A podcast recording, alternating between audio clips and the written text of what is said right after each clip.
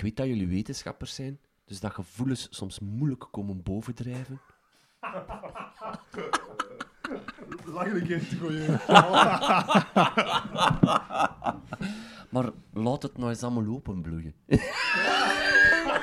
is nog niet seizoen om iets te laten openbloeien. De zon schijnt daar niet hard genoeg.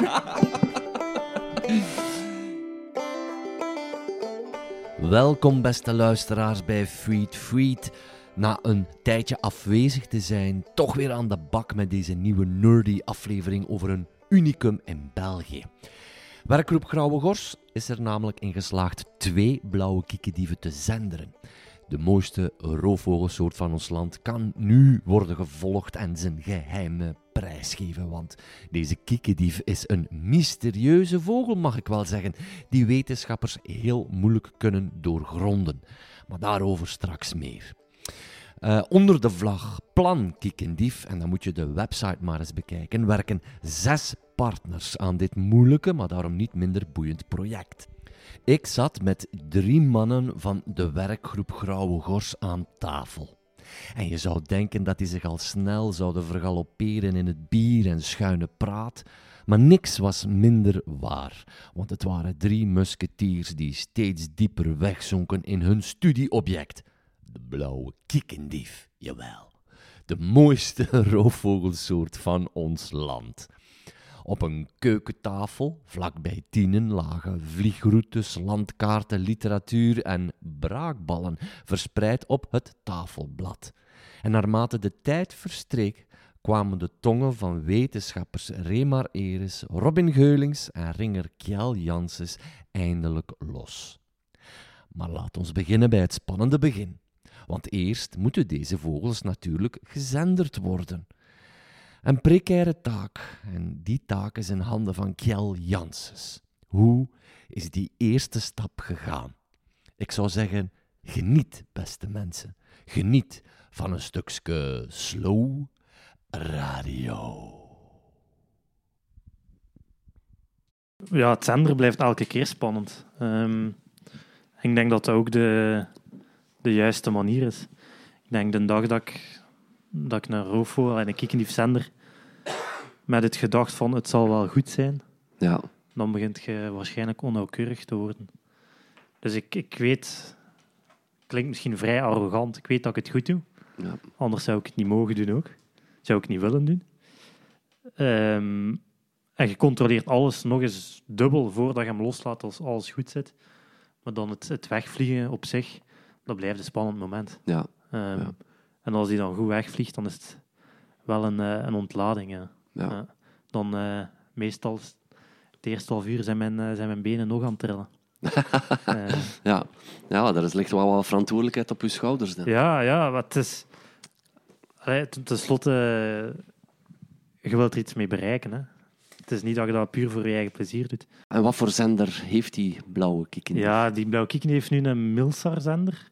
Um, dat is een type dat gebruikt wordt in, uh, in Groningen ook. Ja. Dus waar dat we van weten dat het dat heel goed werkt op dit soort kiekendieven.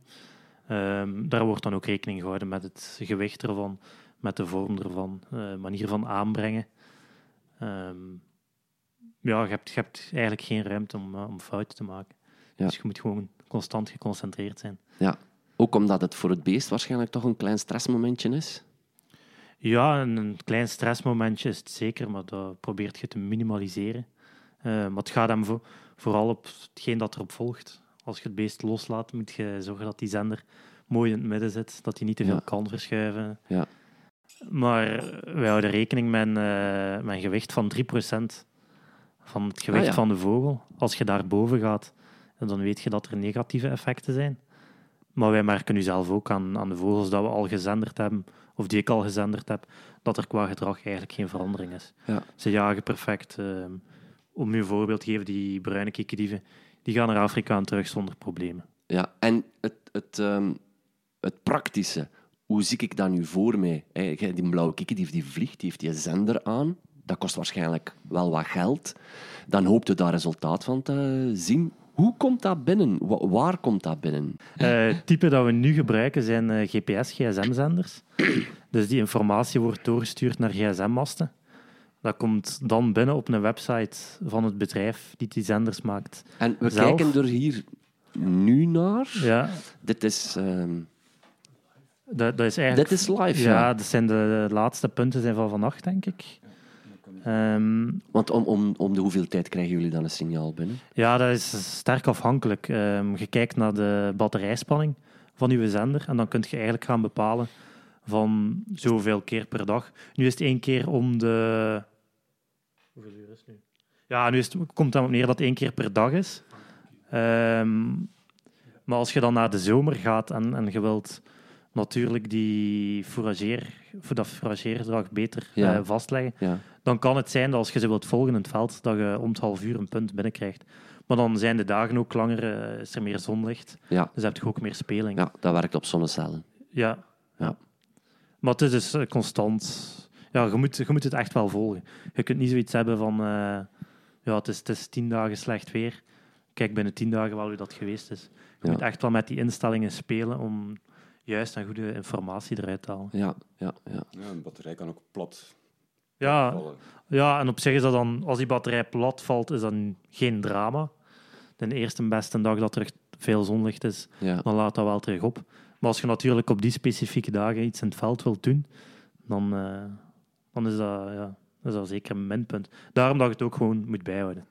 Ehm, en ik denk dat we wel met, met drie of vier mensen zijn die dagelijks de, de zenders in de gaten houden. Ja. Dus dat werkt ook wel als een verslaving. Ja. Allee, in mijn geval. Ja, ja, in ieder dus- geval. Ja, dus dat is eigenlijk ook wel een deel verslaving. Gewoon kijken van... Want dit is eigenlijk de eerste gezenderde blauwe kiekendief in België. Ever gewoon. Dus dat, dat is voor jullie toch wel...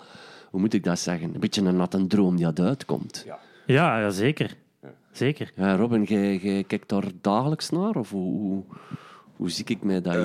Eh, ja, eigenlijk nu wel, ja. ja. Zij, zij hè, want het is een zij, heeft een naam En gekregen. een hij ook. En een hij, jullie hebben er twee Ja, gezenderd. ja, ja. ja.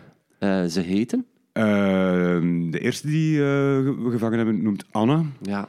En dat is naar, genaamd naar de dochter van een landbouwer die een vogelakker heeft afgesloten. Een van Ja. de eerste vogelakkers die gerealiseerd is eh, in Vlaanderen. In het kader van, van de soortbeschermingsplan de grauwe kikkerdief. Ja, ja. Ehm, nu eigenlijk, ja.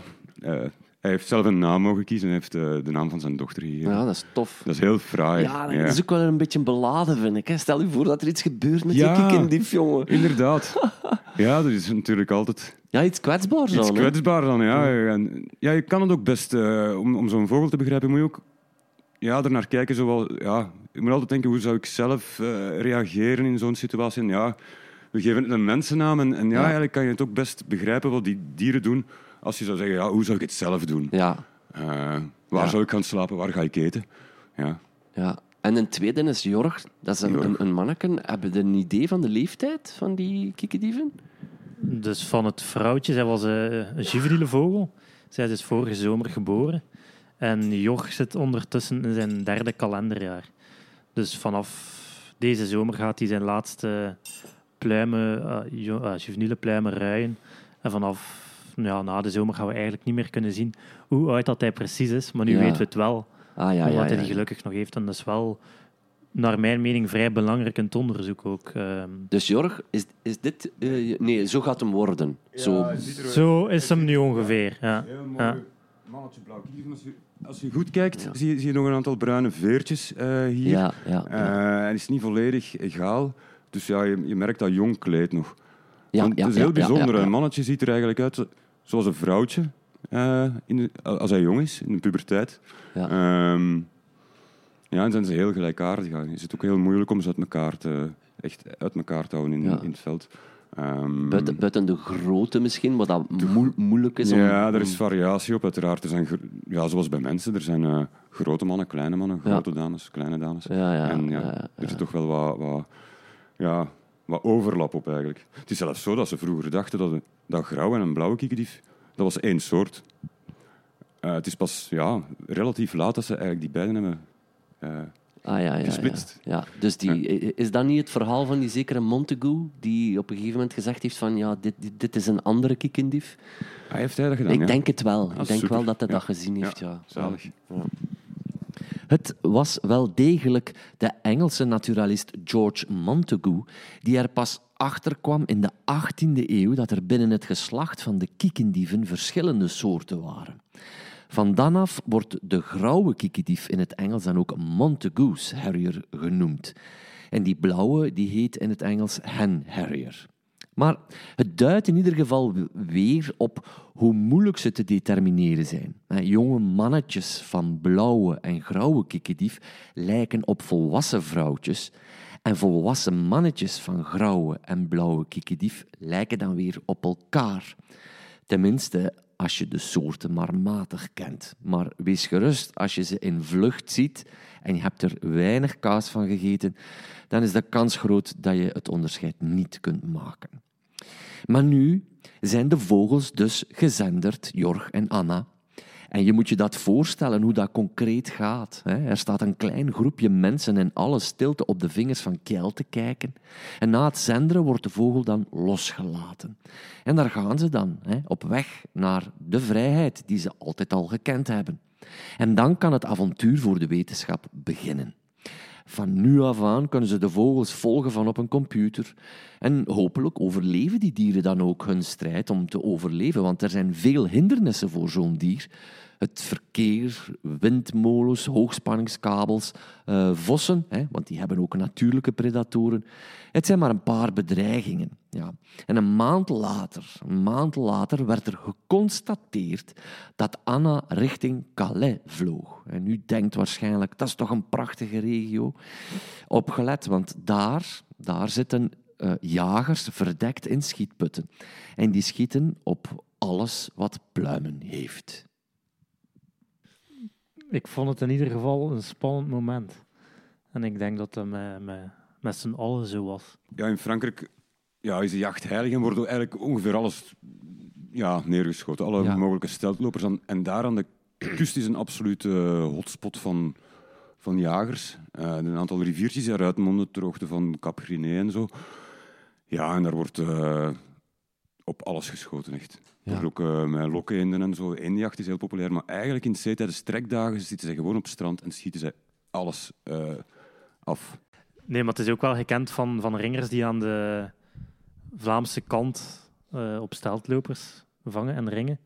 Dat die beesten loslaten en dat die soms al een paar uur later dan neergeschoten worden in Frankrijk.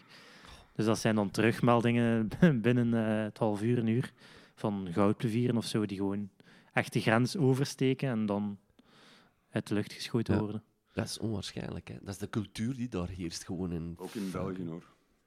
Ja? Zeker en vast, ja. ja.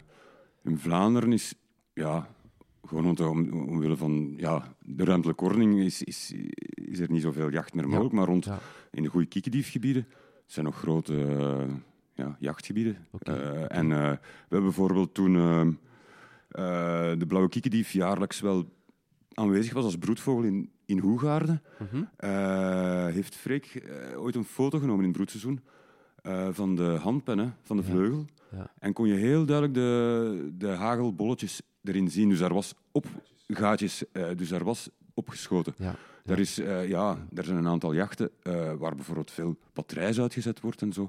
Wordt er systematisch, is er nog steeds roofvogelverdelging. Um, patrijs mag uitgezet worden. Tot voor kort wel. In Wallonië. Maar uh, dat zou dit jaar ook gedaan zijn. En dat is eigenlijk heel goed. Ja, want uh, zo... Ja, ofwel laat, laat je het toe, ofwel laat je het niet toe. En dus een, uh, ja. Alles liep in ieder geval goed af voor Anna. Gelukkig maar. En dan nu, beste vogelaars. Zijn jullie klaar voor echte nerdy vogelinformatie? Wel, dan kom je nu aan je trekken. Kijk, ik beschouw de blauwe kiekendief als een vogel die ik hier kan zien in de winter. Dat zijn dan die prachtige exemplaren die je kan zien zweven boven een aantal graslanden. En dat zijn de exemplaren die van het noorden komen of van het oosten, waar nogal wat populaties zitten. En net zoals ik kan lezen in de laatste Vlaamse broedvogelatlas, weliswaar van 2000-2002, maar da daar zien we dat die blauwe kikkerdief hier dus niet als broedvogel voorkomt. Dat klopt toch, Remar? Nee, grotendeels wel. Ah, bon. Maar eh, we zien die eigenlijk ook in het broedseizoen, maar met veel, in veel lagere aantallen. Dus eh, we komen er enkele tegen. Eh, we vermoeden dat we er heel veel nog missen. Ah, ja, omdat die juist zo discreet leven. Zeer onopvallend. Ehm, maar dan, eh, het gros van de aantallen zitten wel hier in de winter. En dat zijn dan, voor zover we weten, Scandinavische, Russische beesten. Die hier eh, een aantal eh, maanden doorheen de winter Ah, ja. verblijven. Dus de meeste zijn effectief Oosterse en van Scandinavië. Maar in Frankrijk zit er een populatie van om en de bij 10.000, dacht Mhm. ik. Waarom maken die dan een oversteek niet naar ons? Of vergis ik me? Ja, het is die, Franse populatie eh, van blauwe kiekendief. Dat is eigenlijk eh, de vogels die we in eh, het zomerhalfjaar hier ook kunnen aantreffen. En het is zo, mm, net als bij grauwe gorzen bijvoorbeeld, dat de vogels van centraal van West-Europa eerder standvogels zijn. En de noordelijke vogels echt wintergasten. Ehm, en wij vormen eigenlijk de noordelijke uitloper van een van de grote kerngebieden op Europees niveau, ja, op wereldniveau uiteindelijk, van, van blauwe kiekendieven in Frankrijk. En die gedragen zich ook enigszins anders. Ah, ja. Ehm, daar heb je echt... ehm, het landschap is anders uiteraard dan in Scandinavië, heel bosrijk. eh, Ja. En dan ook een aantal ja, echt goede kiekendievengebieden, akkervogelgebieden, leemplateaus, leusplateaus, zoals in Noord-Frankrijk. En daar, daar broeden die wel degelijk. eh, maar net als de Nederlandse blauwe kiekendief, die oorspronkelijk in, op de Waddeneilanden, in de duinen broeden, Ja, is daar ook een switch naar eerder akkerland. Eh, en de Franse populatie is eigenlijk ook een, een, een mengeling van natuurlijke biotopen, bossen, eh, heiden en, eh, en zo. En als jachtgebied ook akkerbouwgebied. Ah, dus ja, ja. de blauwe is eigenlijk eh, ja, eerder een standvogel. We hebben dat ook kunnen afleiden uit... we hebben de, de luxe gehad om rond de gewestgrens in akkervogelgebied zestal jaartjes blauwe kiekendief te kunnen volgen als broedvogel. ja. Ehm, en ehm, ja, dat maakt het ook eh, een heel interessante soort. Hè. Dus eh, het overwinteringsgebied was, was eh, het belangrijkste overwinteraar was al heel lang gekend. Maar hij is jaar rond aanwezig wel hier. Ah ja, dat verrast mij eigenlijk wel. Want net zoals dat Rema zegt, we zijn bijna niet in staat om hem te kunnen traceren. Ik had ooit een gesprek met Wim Bovens van ehm, natuurwerkgroep De Kerkuil. Die hadden ondertussen al twee jaar geleden een broedgeval van grauwe kiekendief. Hij zei vooraleer dat we die te pakken hadden, dat we die allee, figuurlijk zagen konden observeren, hoe komt het dat hij zo onopgemerkt kan blijven? Wat is zijn tactiek om onder die radar te blijven?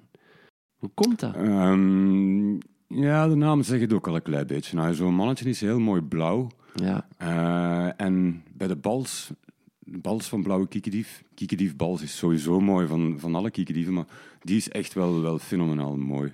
In Engeland eh, noemen ze hem, ik denk de RSPB noemt hem, eh, de Skydancer of zo. Dat Ja, is echt fantastisch. Hij doet het ook heel hoog, ja, op een mooie zonnige blauwe dag. En is, heel, is eigenlijk onzichtbaar. En ja, ze kennen hun leefgebied zo goed. Ze, zijn heel discreet. Ehm, eh, ja, je moet op de juiste momenten er zijn en, en ze weten zich eigenlijk heel goed te verstoppen. Ze gebruiken het landschap, het et oké, oké.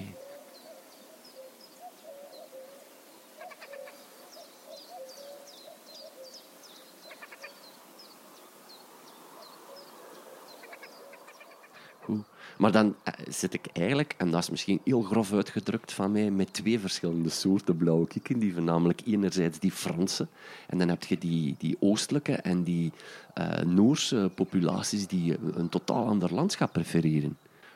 In grote lijnen zeker en vast wel. Eh, heel die noordelijke populatie, ja, dan Finland, Scandinavië, ja, dat gaat Wit-Rusland, noem maar op.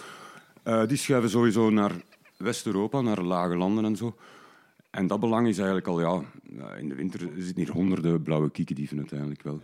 Eh, Het zijn, eh, het zijn dan die weliswaar eh, noordelijke, je zou het kunnen zeggen, andere variant van een blauwe kiekendief, eh, die dan wel hier komt overwinteren in hetzelfde gebied als de lokale blauwe kieken hier in rondhangen.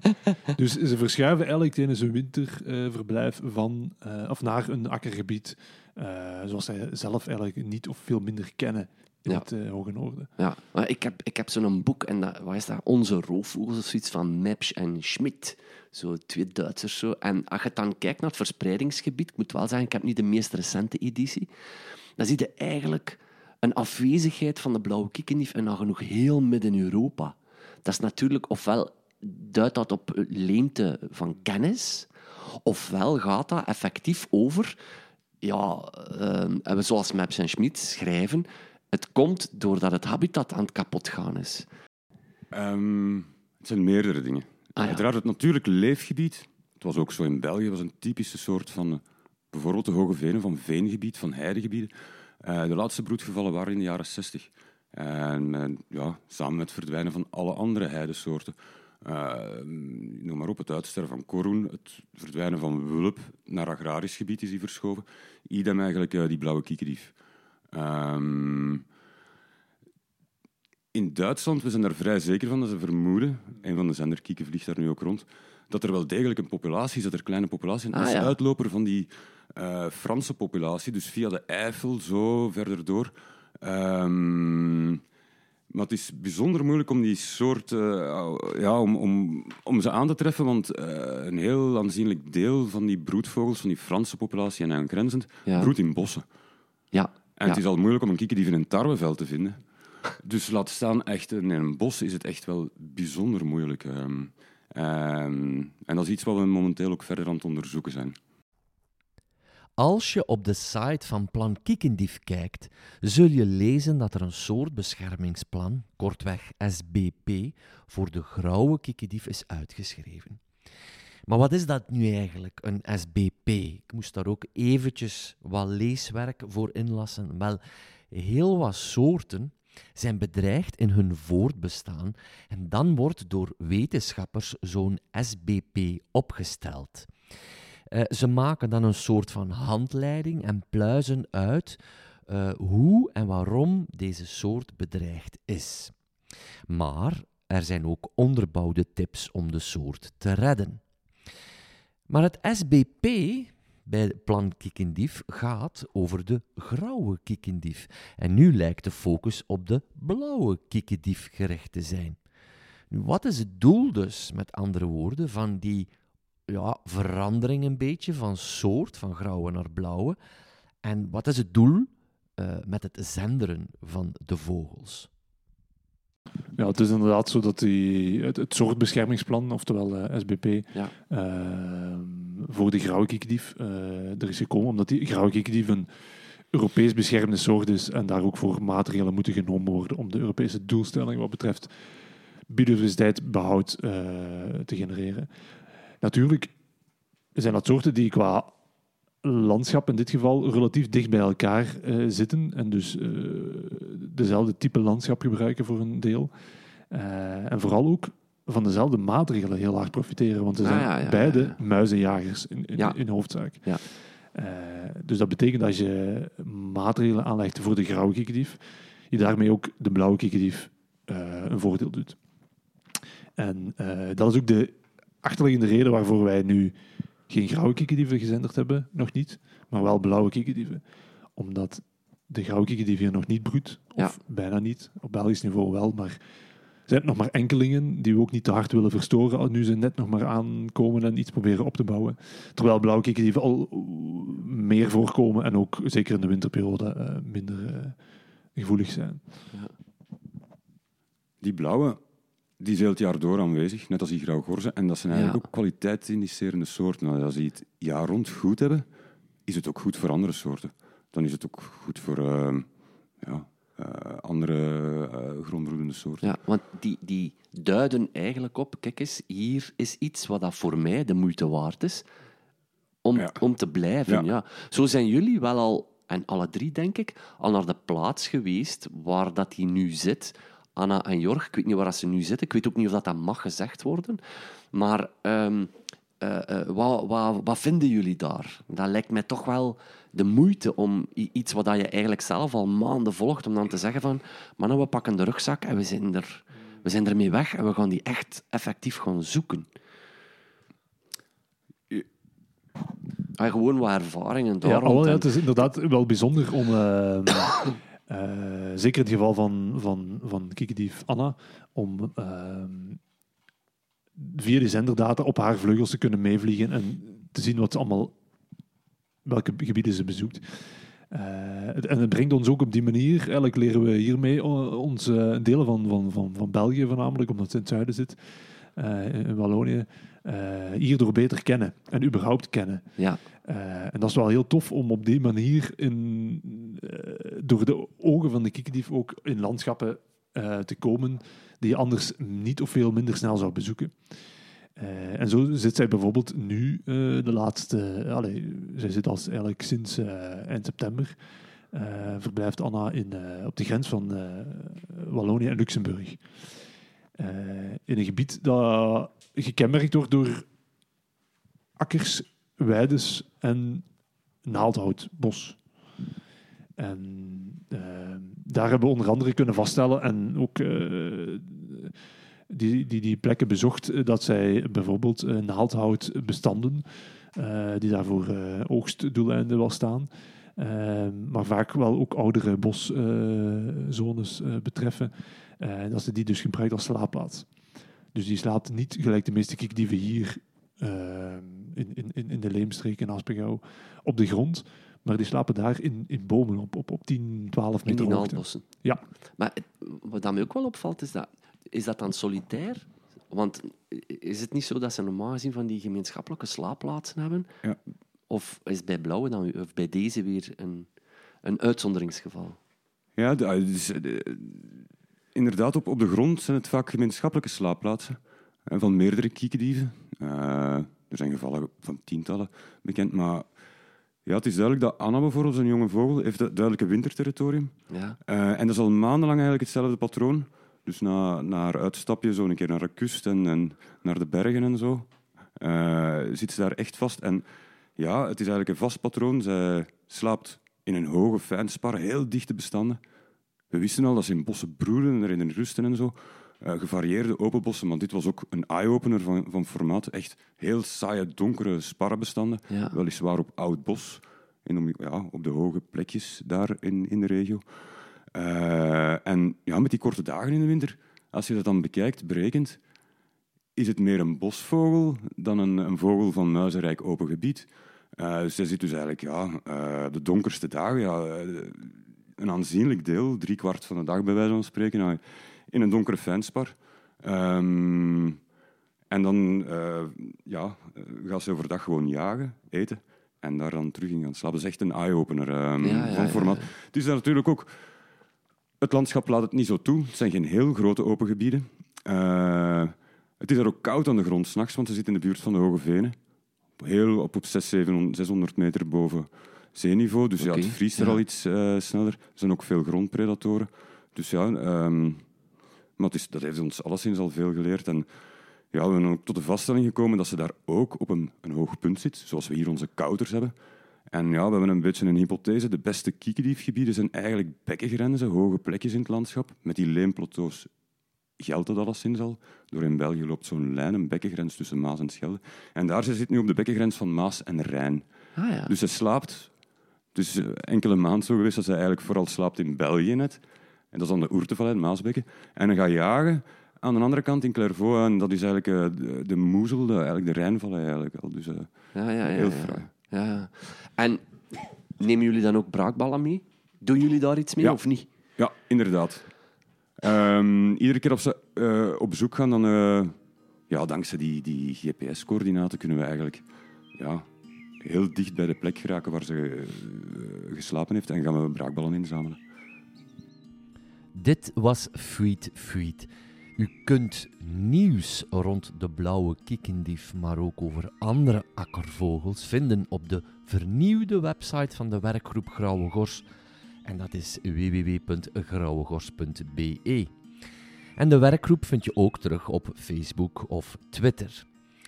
Ik zal op mijn pagina's van FeedFeed en dan de sociale media, Facebook, Twitter en Instagram, ook genoeg verwijzingen plaatsen, zodat u meer weet over dit prachtige project. Maar neem zeker een kijkje, want daar krijg je natuurlijk ook beelden bij. Binnenkort ben ik er weer met een leuk interview hier met deze podcast. En groot nieuws, goed nieuws, eind april komt er een vogelboek uit van mijn hand toepasselijk Feed Feed, met als bijtitel De Passie van het Vogelkijken genaamd uit. En dat was trouwens de reden waarom u wat langer moest wachten op uw favoriete aflevering van Feed Feed. Maar het levert alleen maar leuke dingen op. Ik hoop dat u deze maal genoten hebt en het nerdy gehalte was iets hoger dan bij de andere afleveringen, maar zo eventjes inzoomen op een project en hoe uh, detailistisch dat dat allemaal wel niet verloopt, dat is toch wel de max om te volgen, vond ik. Vandaar. Ik uh, hoop u uh, te mogen verblijden op mijn volgende avontuur. Een dezer. Ik zou zeggen, tot de volgende dag.